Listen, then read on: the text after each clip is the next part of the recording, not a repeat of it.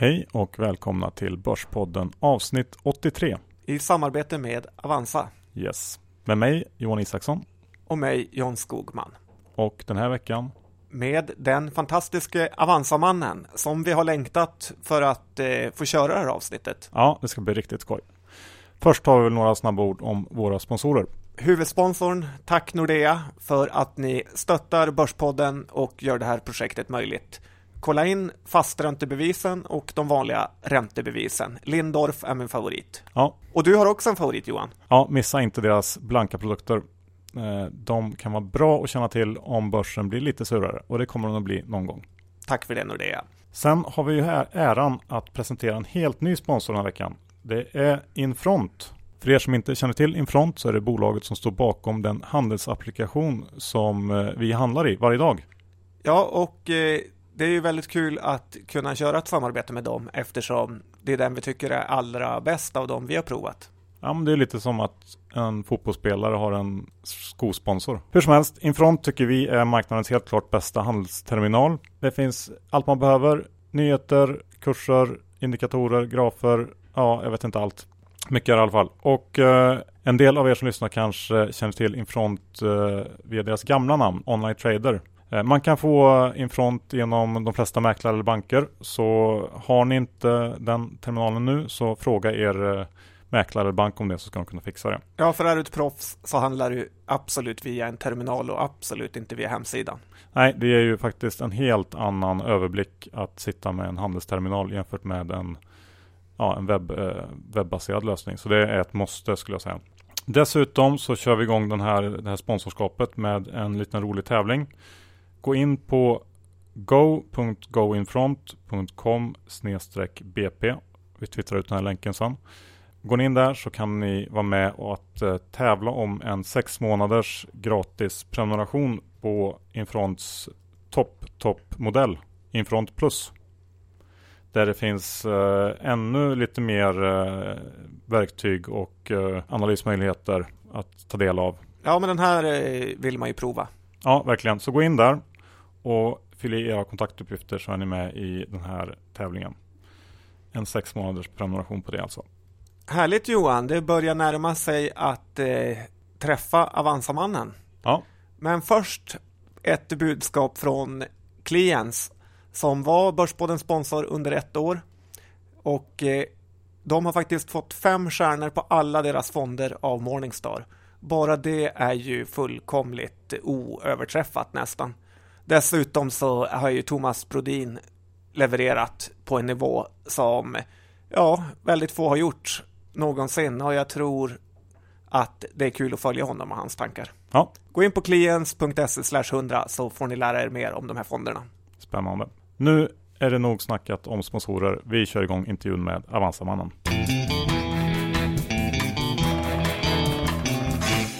Idag sitter vi på Avanzas huvudkontor mitt i centrala Stockholm och mitt emot oss så har vi en av Sveriges mest framgångsrika traders. Även känd som Avanzamannen. Tjena! Hej! Välkommen hit! Tack så mycket! Vi eh, kom ju i kontakt med varandra första gången för något år sedan eh, genom någon julfest tror jag som mm. Avanza anordnade. Mm, ja, precis. Och sen har vi hållit kontakten lite då och då sedan dess. Mm. Eh, och nu äntligen vill du ställa upp på en mm. intervju. Precis, ja. Ska vi börja med för alla de där ute som inte känner dig att du berättar mer eller lite kort om din bakgrund. Eh, var du kommer ifrån, vad du har gjort och Precis, så. ja men det kan jag göra absolut. Jag har ju gått eh, verkstadslinjen från början så jag kommer från fabriksarbete och så. Så jag har ju varit då på uh, fabriksgolvet ungefär tio år var jag och sen så uh, Så jag har ingen bakgrund inom uh, finans överhuvudtaget då. Men det blev så bara att jag kom in på det. Jag hade tänkt att jag skulle plugga till att bli psykolog men så började jag sätta mig framför skärmarna på allvar och sen har man inte lämnat skärmarna sedan dess. Så det, nu blir det bara roligare och roligare. Och det är ständig utveckling hela tiden. Jobba med det här. Du kommer inte att gå ut med ditt riktiga namn i podcasten idag. Varför inte? Jag vill nog helst känna att jag kan vara lite i bakgrunden också. Jag, jag bor inte i allt för stor stad och jag känner att eh, att jag är med här och, och, och berättar är mer för att jag vill ge inspiration till de som börjar och så framförallt också för att eh, jag tror att alla kan bli duktiga traders och så om man bara har hängivenheten och, och, och liksom beslutsamheten och, och vara två portioner kanske envis också. Det behöver man vara i det här jobbet tror jag. Men om vi, om vi stannar kvar lite där, vid, vid bakgrunden lite mer. Du, du, har alltså, du har ingen uh, utbildning, ingen ekonomi, inte gått på högskolan och sånt utan? Nej, alltså jag, jag gick eh, verkstadsskolan när jag var eh, 16, 17, 18 där. Och eh, jag, jag jobbade inom fabrik i, i, i typ eh, 10 år. Och sen så kände jag att eh, jag kände att många som jobbade där liksom blev, var, blev eh, bittra och inte nöjda över att eh, vara på företaget. Så jag märkte hur, hur folk var och jag kände att eh, det var ingenting för mig. Så jag kände att jag var tvungen att ta ett steg därifrån. Jag var runt 30 år då, så jag tänkte plugga upp mina betyg och allting så då och bli psykolog då. Så att. Men visst, det har varit nyttigt att vara där också såklart. Jag har väl varit intressant och det är väl någonting som jag när jag sitter och kanske känner att det inte alltid är lika roligt att jobba så brukar jag eh, måla upp en bild av hur det var att gå till fabriken tidigt på morgonen så. Det var inte så roligt. Men det här var alltså tio år sedan ungefär? Eller? Mm. Som du ja, precis. Ungefär tio år sedan. Mm. Så jag är runt 40 år. Men du sa, då, då hade du planer på först psykolog. Mm. Men vad var det som fick dig att haka på aktiespåret? För hade du hållit på någonting med aktier innan? Ja, det hade jag. Jag, jag var inne och eh, tradade runt 2000 var jag inne och eh, då när det var som mest hysteriskt. Men eh, man visste ju ingenting liksom. Det var ju att man, man eh, skulle testa lite in och testa bara.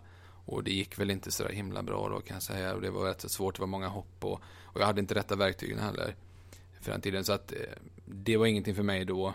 Men visst, man drömde om att tjäna pengar. Det, det är väl de flesta såklart. Jag hade ju intresset sådär. Det har väl alltid haft lite grann. Men aldrig på djupet så som det egentligen krävs för att du ska, ska kunna bli någonting. Så måste du, du måste gå så mycket djupare i, i tradingen och det. Du måste förstå alla faktorer som vad det är som, vad det som styr en aktie och, och, och vad det är som gör att uh, den får rätt värdering och sådär. Från början så, så, så kan du ingenting och sånt och du förstår egentligen inte. Även om du tror att du gör det. Vad handlar du för aktier i början av din karriär på 2000-talet? Det var väl, jag kommer ihåg att jag var inne i Bredbandsbolaget där. Då när den var som högst upp. Jag, jag har för mig att jag var inne på 323 kronor inne och harvade där. När den var typ toppen där. Men jag kom ur någon krona under och det var väl tur det. För den gick ju som det gick för det bolaget sen. Eh, men det var ju mycket av de här. Det var mycket av de galna körningar liksom. Det var två datorer på ett kontor och så, och så hade de miljardvärderingar liksom. Det var ju, det var ju verkligen tokig tid. Och alla pratade aktier och eh, taxichaufförerna pratade aktier och då är det ju liksom se upp med hela marknaden. Va? Men då bombade du ut dig där på 2000-talet innan du... Ja, alltså jag hade inga pengar. Det var ingenting. Alltså man var inne och liksom drömde om att, eh, som alla gör, även om du har 10 20 000 kronor liksom, så är det ju en dröm av att tjäna några tusen och så. Så det var aldrig något, eh, man förstod inte hur mycket, hur långt man hade att eh, utveckla sig själv inom den här genren då för att kunna bli någonting. Sen då för eh, 2008 då när jag började då, då blir det en helt annan grej för då, då satt jag så mycket tid och så, så då blir det en annan eh, närvaro till, eh, till marknaden och det är ju det man måste ha. Men, men hur tog du ett aktivt beslut då att nu satsar jag ett år på att försöka med trading eller hur, hur Nej, alltså det blev aldrig riktigt så, utan det blev att jag skulle ju fortfarande, jag hade sökt in på psykologlinjen och jag väntade på svar därifrån. Och så det blev att, och sen så var det där Lehman-kraschen och det 2008, så att eh, eh, Tanken var väl att jag bara skulle hålla på med det här fram tills eh, jag kom in.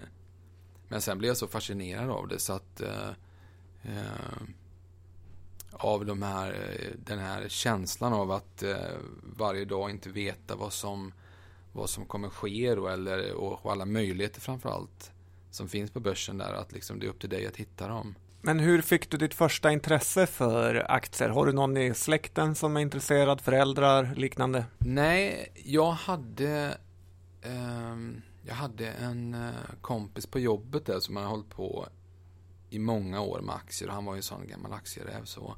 Och han, eh, jag blev väl lite inspirerad av honom tror jag, så han pratade om det. Men det var ju långsiktiga investeringar, det var ju inga korta investeringar alls och så, utan men just att, eh, att man ändå kunde liksom tjäna pengar långsiktigt och så. Men sen visade det sig att det var ju inte alls den melodin för mig egentligen från början när jag började trada. Utan jag var ju en daytrader då.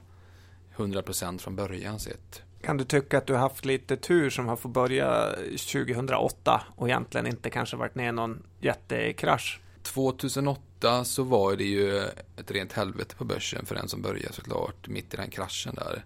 För då började jag i stort sett eh, och låg över nätterna också så här. Visst, jag daytradade också hela tiden men det var väldigt lätt att sätta sig i dåliga situationer kan jag säga. Eh, så det var, det var verkligen en kamp att överleva det året. Det var verkligen det och jag tror att den här kampen om att, att liksom klara sig gjorde att man byggde upp ett rätt så bra psyke för att eh, klara påfrestning och så. För det är ju, tar man större positioner i marknaden så måste man ju, du, du hamnar ju definitivt inte plus med en gång utan du får snarare vara beredd på att ligga rätt så mycket back och så innan positionen vänder och så. Så att det, man behöver bygga upp ett starkt psyke för att kunna klara sig med större positioner. Var du nära att ge upp någon gång i början? Ja, herregud alltså. Jag har ju, ja, det var otroligt många dagar som jag har varit med om tuffa eh, matcher liksom, där, där man har legat mycket back och så och fått eh, trada och skala och försöka hitta, sälja ut, hitta lägre bottnar och försöka hitta vändningar och så. Det, det är ju det var en ständig kamp om att försöka klara sig. Jag kommer ihåg en dag då 2008 där, där när börsen gick ner 8% Och jag satt i Lumi eh, all in. Och den var ner 25 tror jag. Jag hade, jag hade förlorat 50 000 av de pengarna jag hade och eh, 50 000 då, det var otroligt mycket pengar. Så jag satt där och typ livet kändes som det var över. va? jag kommer ihåg att det var så otroligt tufft. Jag kände att det här, det här liksom, hur, hur ska jag fixa det här? Och så som genom ett trollslag så hade ju börsen vänt upp då de kom ut och kommer inte ihåg vad det var de sa då, men och så vände börsen upp och blev 1% upp och, och Lumi vände upp också med och, och det slutade med att jag i stort sett kom ur plus minus noll. Och det var som en sån här vändpunkt som man aldrig kommer glömma liksom när man satt där och typ, jag vet inte. Jag på stora smällar och så eh, när man har tradat och så och, och de eh, börjar ofta med små misstag jag var nog rätt så frustrerad när jag var inne i Aktiv Biotech när de kom med dålig, dåliga nyheter sist och, och den ramlade ner från 60 kronor någonting där. Och jag skulle in och pilla det såklart. Och eh, eh var väl 100 000 back eller någonting där och sen så återhämtade den sig från 42, 44 där för den fick en snabb botten där. Och så fick jag tillbaka pengarna och, och allt var ju jättebra, eller hur? Men så skulle jag in där igen och så slutade ju dagen 200 000 back då bara för att slå in igen där. Så att det var väl en, ja, rätt så onödig grej man säger så. Så är det ju, man brottas ju hela tiden med de här eh, små valen som blir väldigt stora när man kör size. Det är ju så, det är den risken man tar hela tiden. När det är som tuffast och så, för en som trader och så, så, så mm, så känns det väldigt tufft och man går igenom väldigt mycket i hjärnan och så och alla de här beslut man har gjort. Men jag brukar liksom försöka vända det till någonting eh, bra och sen sätta mig ner och vara ännu mer taggad för att bli ännu bättre. Så att det blir som för mig blir det som att liksom jag måste liksom utvecklas i det. Det blir som en sporre för mig snarare. Även om det är jättejobbigt när det sker. Men jag måste liksom jag har stenhårda krav på mig själv hur jag ska utvecklas och så. Och det måste man ha inom det om du ska kunna bli duktig. Du kan inte liksom bara tycka det är okej okay när du gör misstag som, som man inte borde ha gjort utifrån. En fråga som vi ofta får är ju vad, hur mycket pengar man måste ha för att börja med trading. Mm. Vad, vad tycker du där? Jag tycker egentligen att man inte behöver ha så mycket pengar att börja med. För att det är ingen fördel för dig att du har mer pengar i början. Det är snarare bara risk för dig. För att det handlar om att du ska få in känslan av att liksom sätta en, en trade och du kan ju liksom såklart att när du får när du sen handlar större så får du en impact i aktien också när du handlar. Men så länge du inte är tillräckligt stor så att du gör impact i den så, så är det ju snarare vi, alltså viktigare att kunna känna att du ligger rätt och, och, och, och, då behöver du inte mycket pengar. Det är liksom, sen är det bättre att börja småskaligt och sen skala upp då så att du hela tiden har kontroll på det du gör. Det är hur mycket pengar hade du när du började och vart hade du fått dem ifrån? Ja, precis. Ja, men alltså, jag, jag hade ungefär runt 250-300 000 hade jag när jag började. Och jag hade ju renoverat ett par lägenheter och så. Eh, ja, målat, tapetserat och, och jag såg väl det som en, jag började med det och eh, tjänade väl så jag hade väl en 90 000 tror jag innan jag köpte den senaste lägenheten eller lägenheten då som jag hade. Och sen så sålde jag den så fick jag 250-300. Så, så på den vägen är det. Så egentligen har jag varit från scratch, noll egentligen. Jag har inte haft några pengar. Så, att, eh. så du börjar med lägenhetsflipping och nu är du aktieflippare? Ja, det kan man säga. Så nu flippar jag sånt som jag tycker är roligare. För jag tycker inte det kanske är lika roligt att stå och tapetsera hela dagarna. men men när, när kände du att det började liksom uh, verkligen tuffa på bra då? När kände du att det här kommer nog att funka? Alltså 2008 var ju otroligt jobbigt för att det var egentligen, jag hade Swedbank på den tiden. Och eh, de hade ju inte rätt verktyg och, och man eh, fick nyheterna för sent och jag kommer ihåg att jag, jag hade inte ens realtid. Eh, så jag satt och uppdaterade med musen hela tiden. Och det var ju inte sådär jättebra. Så, och de hade svinhöga courtage också som, som man du hade ju inte liksom det bästa med dig direkt och så plus marknaden också. Så jag gick väl i stort sett plus minus noll det året kan man säga. Jag fick in lite grann och sådär men i och med att jag har för mig att jag la 300 000 i courtage det året. Det var lika mycket som jag hade då.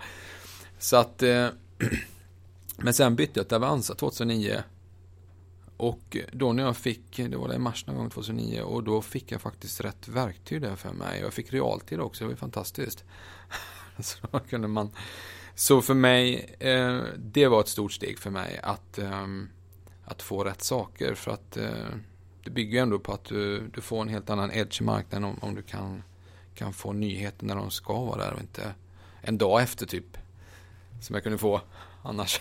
Men ditt Twitter-namn, Avanza-mannen, kommer ja. då från att du handlar via Avanza? Ja, så är det ju.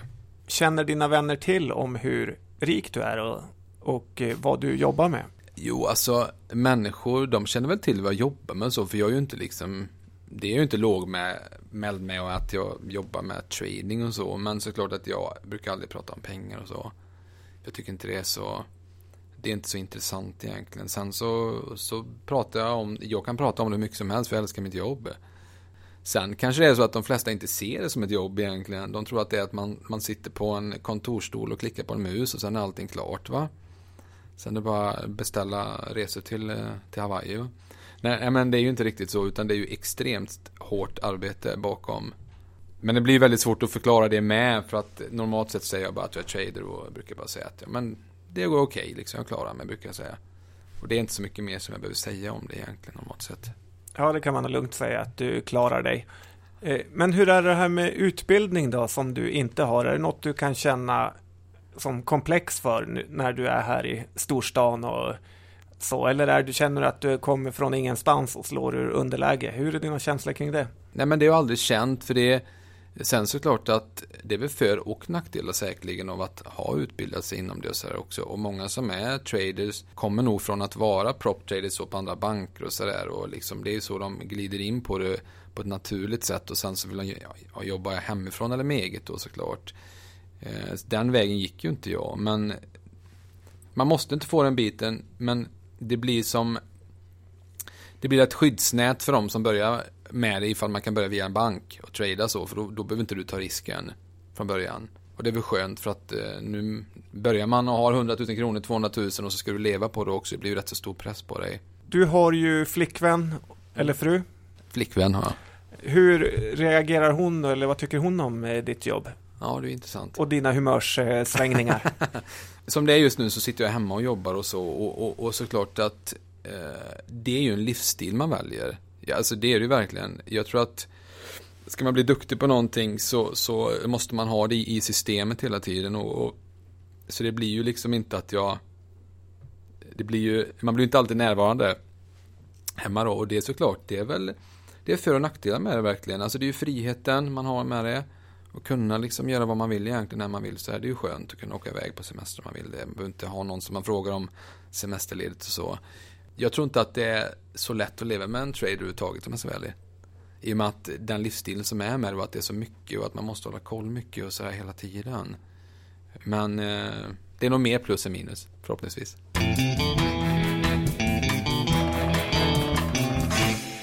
Då har vi kommit till eh, delen i den här intervjun som handlar om trading lite mer specifikt. Och innan vi går in på det här så har vi faktiskt ett meddelande från eh, Avanza Pro. som eh, där både jag och John handlar och även eh, du, Avanzamannen. Exakt. De ger de första personerna som mejlar in möjligheten att få bli provkund under ett kvartal utan några krav på courtage, omsättning och så vidare. Man får helt enkelt testa på hur det är att vara daytrader i ett kvartal. Eh, kan vara en bra möjlighet tycker jag. Man får även eh, den här Infront-terminalen som vi pratade om i inledningen där, gratis.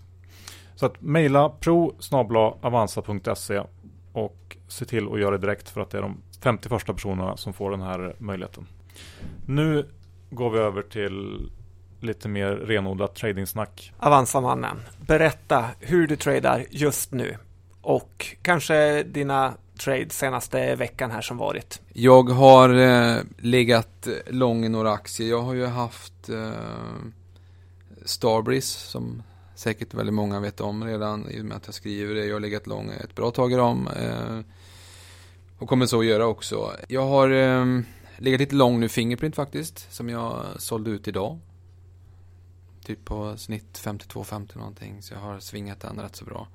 Jag har svingat den egentligen från 36-37 kronor tror jag. I olika omgångar så. Men jag, det har känts som att den har haft Um, som att den ligger ett rätt så stort intresse över den och sen kommer de nu med ordrar och så som, som, uh, som gör att den kan uh, ge lite bränsle att vara över 50 kronor nu. Kanske gå ner och studsa lite igen och så här men det känns som att den kan, möjligtvis kan hålla sig där ett litet tag nu till och med gå upp mot 60 kronor. Den har ju ett motstånd runt 55 här nu så vi får se vad det låter som att du är en väldigt teknisk trader. Alltså, då menar jag teknisk analys.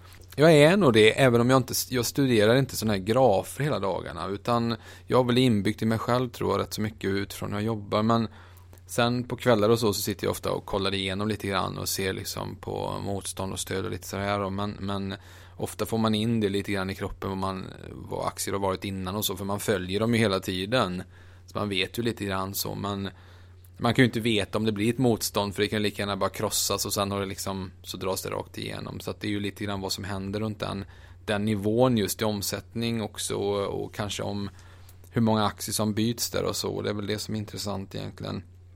Men visst, jag har nog rätt så mycket tekniskt i mig. Men som sagt, jag, jag är en trader som är rätt så mycket, jag vill göra det på känsla.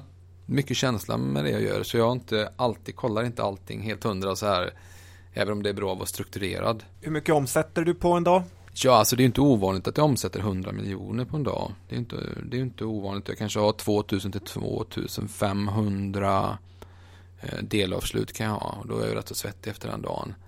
Så att eh, det är ju inte så att man sitter där och allt är lugnt. Utan jag, för mig, jag brukar vara helt slut efter en börsdag. Vilka aktier är det du handlar mest? Alltså, jag tycker om att handla i, i, i small och mid cap. Och det kan ju svänga rätt så mycket vilka bolag jag handlar i och så. Och jag, jag tycker om när det är volla och när det är stor omsättning.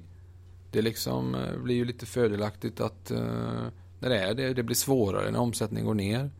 Så är det alltid, det, det blir en större risk för alla som, så ska man vara lite försiktig så ska man hålla sig till aktier som har mer omsättning. Men å andra sidan när du väl börjar med aktier så kan det vara bra att börja med aktier som har lite lägre omsättning för då har du lite mer tid att hänga med.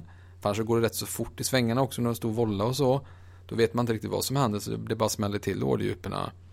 Så att det blir det är ju lite grann var man är någonstans också i sin trading. Man måste ju liksom försöka att liksom ta allt i olika steg. Det är väl det som är det viktigaste. Eh, trackar du din trading noggrant? Det vill säga skriver upp hur mycket du omsatt varje dag, hur mycket du tjänar och så vidare. Eller kör du bara på känsla?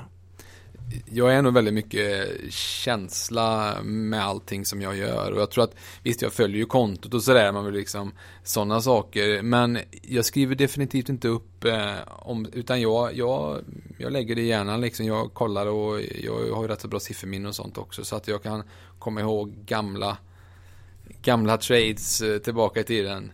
Så att, eh, nej, jag skriver inte upp så mycket utan jag, jag, jag har rätt så bra koll på det. Börsen har ju rusat eh, sista tiden. Hur mm. är din marknadskänsla? Jag tror att det är många, även bland de större traderna tror jag, som har brottats lite grann med att ha gått lång björn. Eh, för att även börsen har ju haft ett mönster av då när den var runt 1400 där och brottades runt 1420 och det Eh, då var jag också inne på korta lite grann, men jag kände att trenden var så stark med så att och nu sen har det ju bara fortsatt liksom, så det är många nog som har hamnat väldigt fel i det. Men eh, det känns som att det finns ju inga tills det lugnar ner sig lite grann på börsen så, så känns det som att det inte finns några stopp. Eh, sen kan ju det här, det känns som det är liten volym också som flyttar börsen. Så att jag tror väl att personligen tror att vi kan få en sättning här framöver. Sen när den väl kommer är svårt att säga. Jag tror att den kan bli på 10% på rätt snabb, snabb tid så bara det brakar loss och så är vi 10% ner. Och det vore ju rätt så nyttigt skulle jag nog tro för börsen också. För en lyssnare då som, som är ny på det här med trading.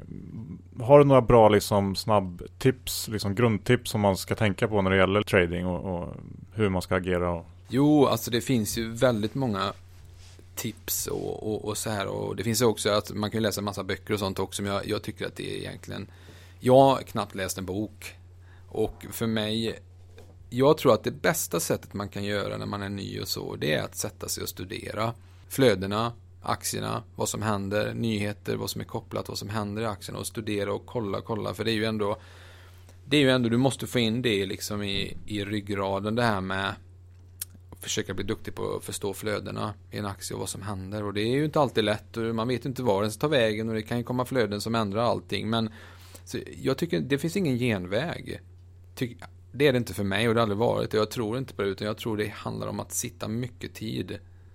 Och då, sen är ju inte alla gjorda för det heller, för det kan vara jobbigt psykologiskt med och alla, många klarar ju inte av att förlora pengar, det är det värsta de vet. Och jag menar, ska du kunna tjäna pengar så måste du riska någonting, det är ju bara så det är.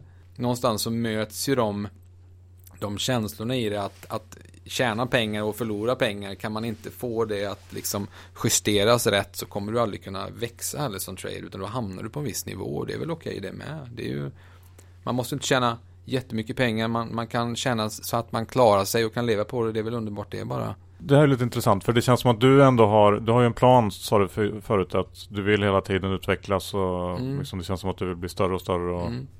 vad, vad, är liksom slutmålet och vad, hur ser den här planen ut? Jag skulle väl självklart med tiden sen och framtiden så vore det väl väldigt skönt då. För jag skiftar över lite nu till att göra mer djupgående analyser i bolag och eh, kanske mer svinga bolag och bli långsiktig då som är nu i Starbreeze bland annat. Så eh, det är väl tanken att liksom kanske gå ifrån att eh, trada sig intensivt i marknaden till att, eh, till att bli mer långsiktig och, och, och låta pengarna att det ger en bra avkastning av sig självt egentligen då ifall man gör ett bra och grundligt jobb med, med bolagen då. Det, det tror jag är och kanske ha lite mer semester än vad jag har. Hur mycket semester har du haft? Ja, sen 2008 skulle jag tro att jag har haft ungefär fem veckors semester. Jag skulle kunna tänka mig. Vad gjorde du på de fem veckorna? jag var faktiskt i USA förra året. Det tyckte jag var fantastiskt roligt. Eh, och sen har jag varit i Rom en vecka och ja, det har blivit några strödagar också. Fast det tog ju bara två börsdagar då när jag var i Rom så det var ju skönt. Så man, man räknar ju alltid, man, man vill aldrig vara ifrån börsen, det är så det. Vad säger frugan då när du är så beroende av börsen? Ja, precis. Ja, men det är väl inte alltid positivt såklart. Ehm, det är det ju inte. Ehm, men å andra sidan så tycker jag att det ger så mycket frihet och positivt annars också då. Såklart att det är väl Sen kommer det bli mycket mer än vara nu faktiskt. Det här året kommer jag ta normal semester skulle jag tro och, och, och, hoppas på en tripp till USA igen faktiskt. Fast längre den här gången. Ja, men det är du värd. Ja. Om vi tittar på datahandeln som har mm. vuxit och det mm. går ju makalöst fort nu i dagens mm. Eh, mm. börshandelsgolv. Vad säger du om datahandel och eh, hastigheten? Innan 2007 och 2008, så där innan, innan man började liksom ändra tick och så. Och eh, då var det ju liksom lätt lättare på marknaden än vad det är idag. Jag började som sagt 2008 på allvar så. Men just med att det var stor tick size och du hade internavslut och sådär. Så det var ju en annan. Det var lättare för många att kunna klara sig. Idag har de minskat ner tick sizen rätt så mycket i bolagen och eh, arbfirmorna liksom de tävlar om att vara snabba såklart. Så att det, det, det speedas ju bara upp allting. Det, blir inte, det finns inga gratispengar för de som du hinner inte med att ta dem där utan det gör ju de såklart. Och... Men du utvecklas med börsen? Ja men det måste man ju. Man måste ju anpassa sig och det, det börsen är ju föränderlig hela tiden. Och det är väl kanske, det behöver inte vara någonting negativt över det, men men eh, jag vet bara att det är svårt att få en edge i Jag tycker att det är svårare att få en edge i de större bolagen för att det är eh, Alltså vollan blir ju bra så men det blir ändå samtidigt svårt att veta var de tar vägen alltid Då får du köra mycket tekniskt och så då liksom eh, över dagen och så då funkar det men jag tycker att det är Det är svårare att, att, att liksom analysera de rörelserna nu i och med att eh, de här arbetsfirmorna finns inne och så det har också varit en eh, kanonmarknad för nyteckningar. Mm. Tecknar du i de här uh, introduktionerna som vi ser på börsen? Det har jag inte alltid gjort så mycket. Jag har gjort det lite grann nu och så. Men det har inte varit... Eh, jag var inne lite grann förra året också. Men jag har inte varit inne så jättemycket i det faktiskt. Eh, eh, och det är väl visst, nu är det en stark marknad och det är, det är mycket flöden in och det är väl jättebra att, att det liksom det går upp med en gång när de kommer in på börsen och det är starkt och så här men eh, börsen kommer ju ändras. Det är inte alltid sån här marknad och då kan det bli farligt att vara inne i de här och, och, och för det och, blir de inte fulltecknade så är det ju småspararna som får eh, den stora sizen då. Nu så tar väl de stora aktörerna och bankerna den stora sizen och så får eh, småspararna fylla på det lite gott då. Men, men jag tycker sen när det liksom blir en mer human marknad kanske med lite nedgångar också. Då är det inte säkert att det blir så lika säkert att, att, att vara med i de här. Det är väl så jag ser det lite grann. Så avancerar man, men vi ska titta på 2015 års bästa sämsta liga för dig. Kan du berätta vad den bästa traden, intradagstraden, har varit och hur mycket pengar du tjänar i år? Ja, det har väl varit i, som jag kan komma på nu snabbt, så är väl det Fingerprint som jag har tjänat en jag tror det är 250-300 000 på en dag där. Hur känns det när du har dragit in den typen av eh, flis på en dag? Jo, alltså det känns väl jättebra. Det skulle man inte säga, men det är liksom, man tänker inte alltid på tradesen och så, utan man går ju vidare och försöker jobba stenhårt och så, och sen så kan man tappa i något annat och så. Det har man ju gjort många gånger, så det är ju inte liksom bara, det är ju definitivt inte bara plussiffror.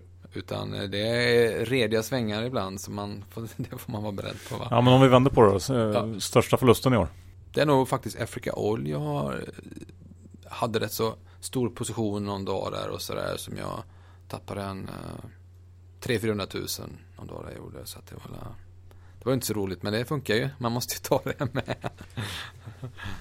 Vilken dag omsatte du mest pengar och ungefär vilken nivå låg du på då? Jag tror att det var, jag omsatte någon, någonstans mellan 150 och 170 miljoner var det någon dag. Jag kommer inte ihåg exakt vilken dag det var men Så det var, det var flitigt, jag hade att göra den dagen. Jag tradade en del västas och så här också har jag gjort så att eh, och när man tradar mycket de papperna och så, så går det rätt så snabbt upp så här i, i summor.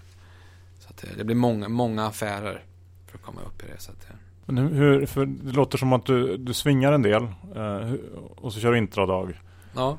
Och så har du några längre case. Men, men liksom hur det här, eh, det som är mer tradingbaserat då, swingtradingen och intradagstradingen, hur liksom fördelar sig det här ungefär? Jag har ju liksom ingen, ingen strategi hur det ska vara procentuellt överhuvudtaget va. Sen har jag hela tiden kostnadskontroll på det. hur mycket vi satsar i bolagen så utifrån omsättningen och så. För man ska alltid tänka på det vad omsättningen är för att du ska kunna ta dig ur också.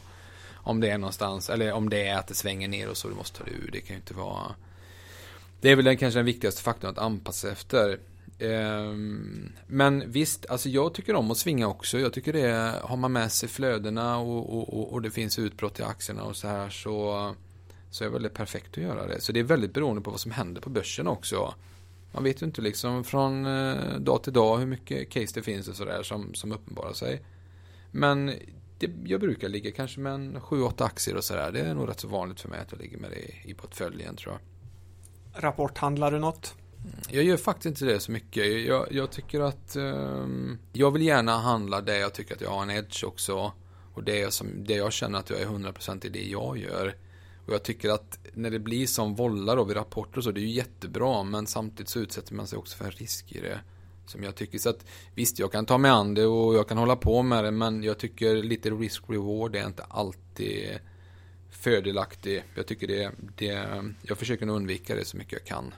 Förutom de bolagen jag följer själv hårt och så här. Men om man, det är många traders som, som kastar sig in då under den perioden runt i olika bolag och, och liksom hejvilt handlar liksom så här. Men jag tycker att ja, i och med att vi har rätt så höga värderingar också på bolagen så kan det ju bli att att liksom att det kommer en bra rapport men, men eh, den har blivit lite för högt värderad så ska du kunna analysera det och veta och exakt i marknaden alltid. Det är inte alltid så himla lätt va. Handlar mm. du även i bara amerikanska papper som bara är noterade i USA eller är det bara Nej. i Sverige?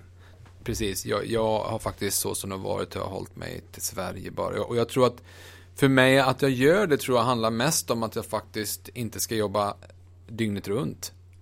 För sätter jag på så jag kan handla i, i USA då, då har jag ju hela... Då kommer jag nog aldrig få någon fritid. Så att eh, det är nog snarare det för mig. För där finns ju en otrolig massa bolag att sätta sig in i och så. Men jag tycker det räcker gott och väl är så som det är nu i alla fall. Om man tittar på, för du nämnde förut att du har ju ändå några case som du sitter på lite mer långsiktigt. Kan du dela med dig lite av, eh, vi kan väl börja med Starbreeze som du har pratat en del om. Ja precis, det är väl Starbreeze egentligen som jag tycker är det som ligger mig allra varmast i hjärtat precis just nu då, men, men eh, och framförallt har största innehav i. Hur mycket aktier har du? Jag har tillräckligt mycket kan man säga. Och eh, jag ser det på väldigt lång sikt det här, eh, det här caset och så jag kommer nog eh, undan för undan bara gå in tyngre och tyngre i det här bolaget. Så att... Eh... Känns lite riskfyllt. Berätta vad som är så attraktivt. Alltså det som är så intressant med med Starbreeze gentemot många andra bolag i och med att jag håller till mycket med small cap och mid cap. Och, och, och, och liksom, det är väl det att jag kan räkna mig till och, och, och följa bolaget så pass bra på nätet och via Steam och allting så man får en väldigt bra bild av hur deras, eh, hur deras kundbas liksom agerar eh, kopplat till bolaget och, och, och jag tycker att eh, det jag ser där är att de har en en potential som marknaden definitivt inte värderar dem till. Men i dagsläget, vad är det för värderingsmultiplar då? Om man nu skulle sälja 4 miljoner ex av The Walking Dead till exempel nu när det kommer i slutet 2016. Om man säljer det till nypris då och faktiskt bolaget kommer kunna ha en marginal på 50 procent så kommer man göra en halv miljard i vinst.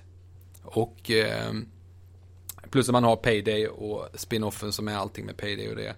Eh, det som, som många inte tänker på det är ju det att just nu när det gäller Payday 2 så delar man ju mycket av pengarna med 505. Det slipper man ju med The Walking Dead. Då ger man pengar till Sky, Skybound och Kirkman lite grann, men det är inte alls så mycket procentuellt som det är till eh, 505 just nu. Och det tycker jag gör otroligt väldigt mycket i hela det här caset. Det gör att att de kommer inte behöva sälja så mycket som de egentligen gjort med Payday 2 heller för att kunna få den vinsten. Från Payday 1 till Payday 2 då hade man typ en core-kundbas på 300 000 spelare. Alltså core-kundbas det, är, det är de som spelar mer än 20 timmar. Och man säljer första månaden 1,6 miljoner ex. Nu har man en core-kundbas på 2,5 miljon. Så ni kan ju bara fantisera om ifall allt går väl hur mycket de kan alltså släppa eller sälja då Sen väntar Storm då, då väntar man med Storm. Man låter det rida ut här lite nu. Man fortsätter dra in pengar till spelutveckling och det. Samtidigt så väntar The Walking Dead. Sen året efter väntar eh, Storm. Och så har du byggt upp en kundbas. Så det hade varit mycket sämre att släppa, anser jag i alla fall, att släppa Storm nu då. För då har du inte kundbasen mot, tänk dig om det fortsätter så här, vilken kundbas man kommer ha. Hur ska man värdera ett sånt här bolag? För det är väl lite mitt problem Precis. kanske när jag tittar på mm. Starbreeze. Att mm det är ändå svårt att komma ifrån att man släpper spel och sen så det kanske blir en succé som nu med Payday. Mm. Men det finns ju också risken att, att det inte blir en succé. Det är väldigt svårt och det är ju inte så att man gör ett kul lager på SKF liksom. Man vet ju ungefär hur kunden tar emot ja. det ja, varje gång. Det är ju en, som jag ser en, en hyfsad risk i det.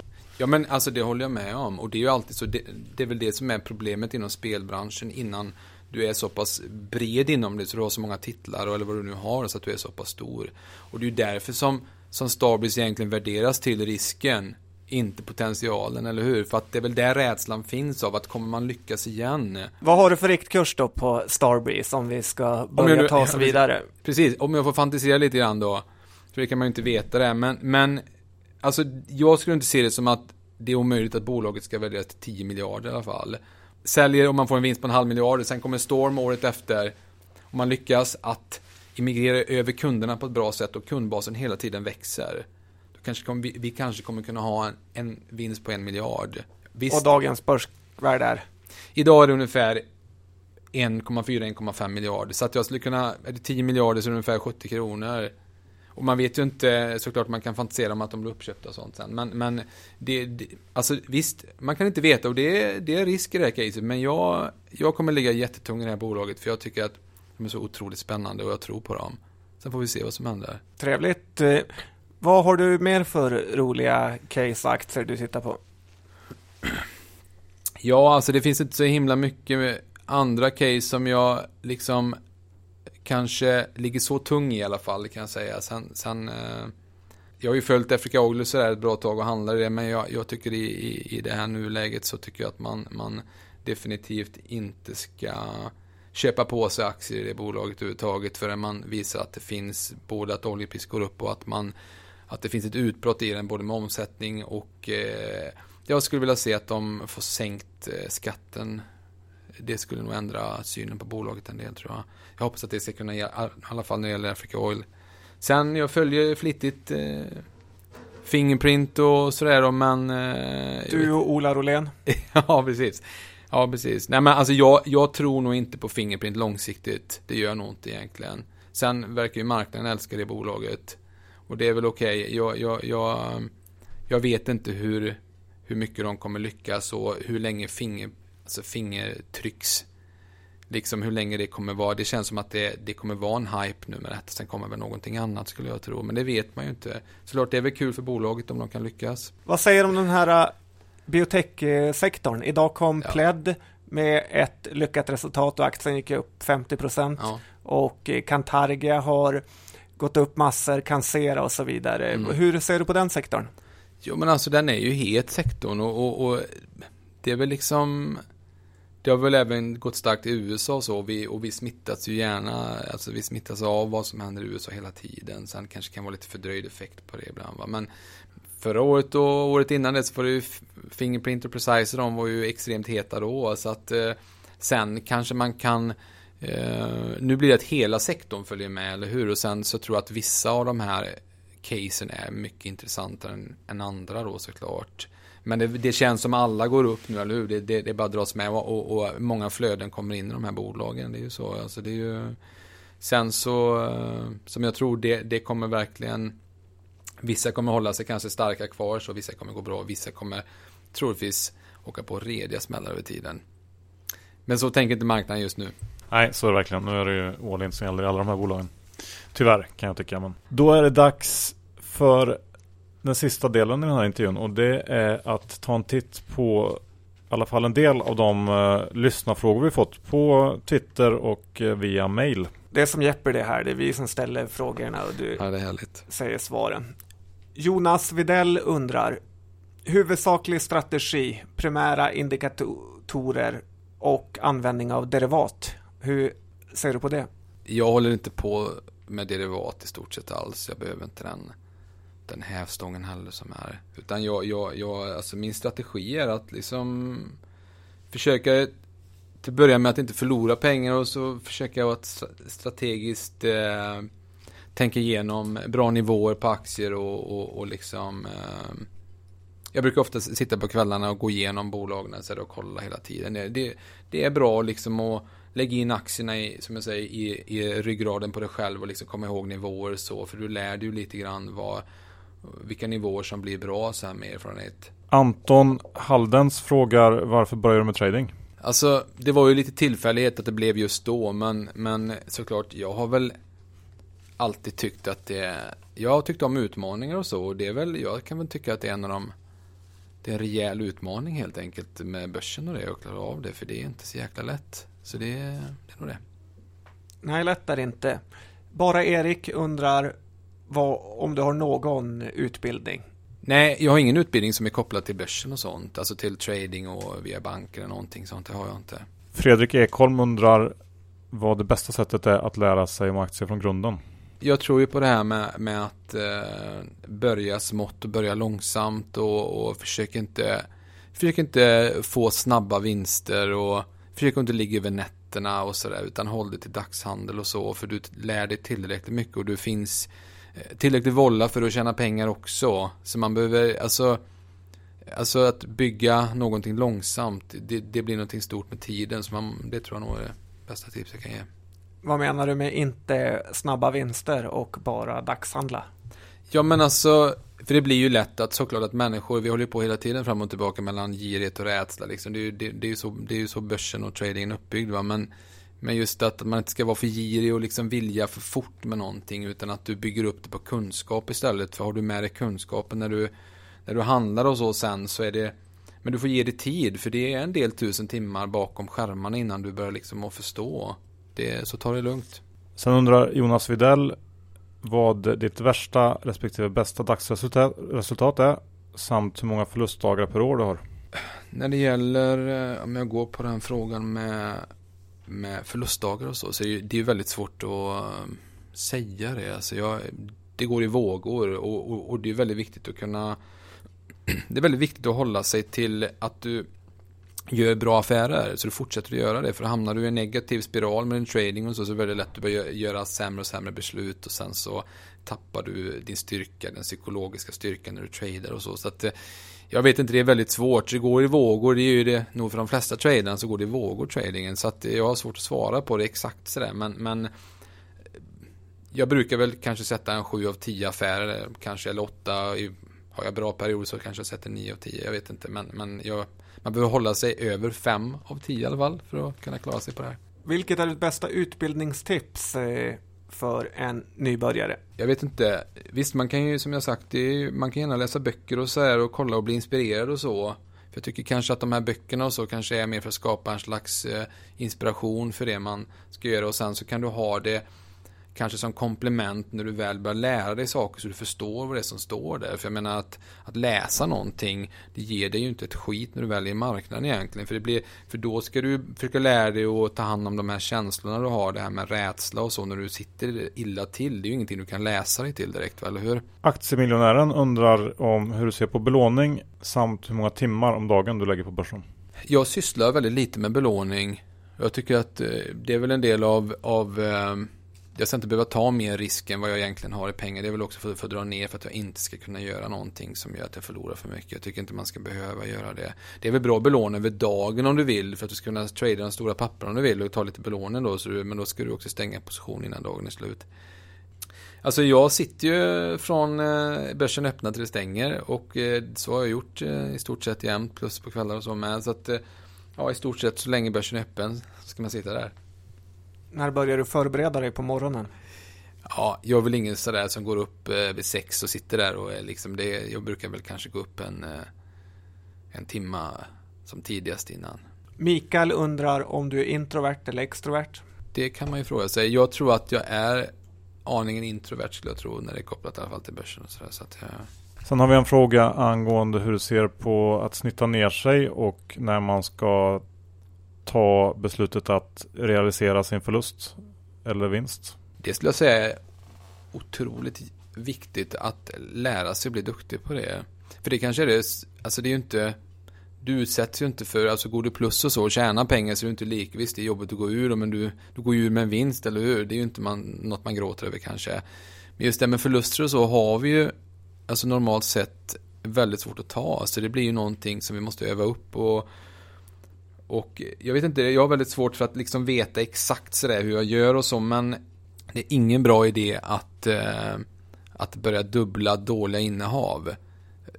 Alltså såklart att tillbaka i tiden när jag började så, så var det väldigt lätt att dras in i, i dåliga Alltså svaga bolag som hade en svag utveckling och så för då trodde man på den här största studsen och så för den vill man alltid ha. Men jag tror att det bästa är att försöka att lämna dåliga bolag, alltså dålig utveckling och gå in i bolag som, som är starka istället för att försöka ta in dem eh, när de dippar lite grann för då har du trenden med dig. Så, så, så försöker jag istället jobba, försöker inte att... Kristoffer undrar om du har någon långsiktig portfölj? Jag har ju två case som jag har långsiktigt just nu och kommer ha några stycken till sen, men jag, som jag kommer göra analyser på också och som jag lägger ut på min hemsida sen. Men just nu har jag Starbreeze och Cantargia. Det är de som jag kommer ha just nu, som jag har, som kommer vara minst ett år, båda de här casen. Mr Modera på Twitter undrar vad du tror om eh, Karo. Alltså det är väldigt svårt att veta hur, jag, jag kan väl tycka att, att de är eh, rätt så högt värderade nu, utan egentligen att veta vad som vad som kommer ske. Jag tror att de följer med i den allmänna uppgången nu på den här biotech-sidan. Och sen har de ju rätt så stora insiderköp och så i bolaget. Så där. Men jag tycker att eh, med en värdering på ja, en bra bit över en miljard eller vad de nu värderar det till. Runt där. Det kan väl jag tycka är mycket. Jag, jag skulle inte förvåna mig ifall när det lugnar sig lite grann att även bolaget eh, tappar även kursmässigt. Sen har vi fått ett eh, mail från en anonym eh, frågeställare här till oss på Börspodden. Han undrar vad du gör för alla pengar som blir över varje månad.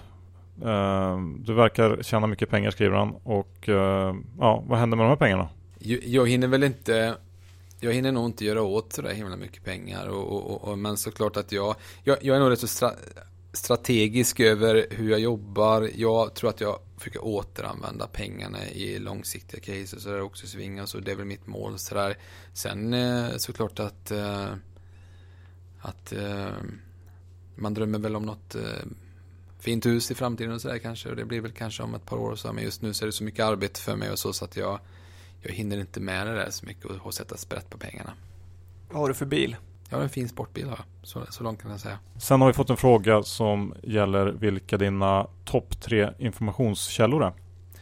Ja, alltså jag har ju jag får ju nyheter från, eh, jag har både från Six Edge, Six Edge och från eh, Infront eh, som jag får nyheter ifrån och det tycker väl jag är tillräckligt faktiskt.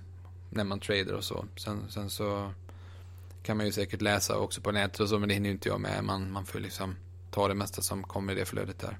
Bra. Då får vi helt enkelt ta och tacka dig Avanza-mannen för att du ställde upp i Börspodden. Jättekul mm. att du var med. Ja, tack för att jag fick komma. Det var roligt att få, få berätta lite, kanske mer om mig själv också än, än bara det jag skriver på Twitter. För det går ju inte liksom att bygga upp hur jag är som person heller riktigt va? Nej, det är svårt. Så tack så mycket. Ja, tack.